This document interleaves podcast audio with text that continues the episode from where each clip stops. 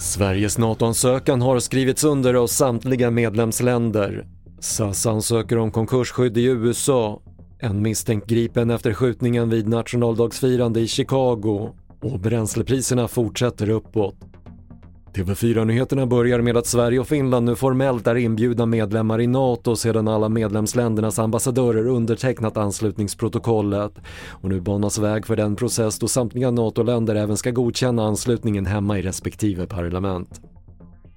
SAS ansöker om konkursskydd i USA och beskedet kommer dagen efter att piloterna gått ut i strejk. Enligt bolaget gör man det för att den tidigare räddningsplanen ska kunna genomföras och för att möjliggöra en modernisering av flottan. SAS VD Anko van der Verf säger att det är bästa vägen framåt för flygbolaget och han uppmanar piloterna att sluta strejka. We also hope this process demonstrates the need for all parties to contribute to make SAS financially stronger.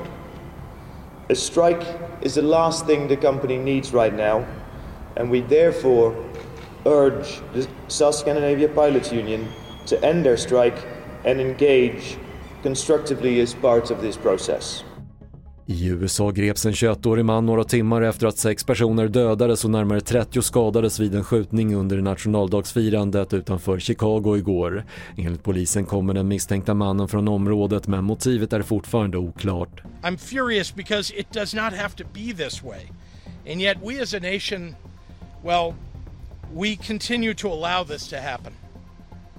While we celebrate the 4th of July just once a year, mass shootings have become our weekly, yes, weekly American tradition. Det sa delstaten Illinois guvernör J.B. Pritzker.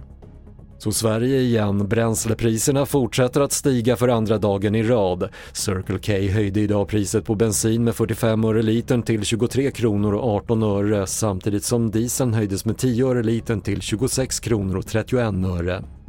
Fler nyheter hittar du på tv4.se. Jag heter Patrik Lindström.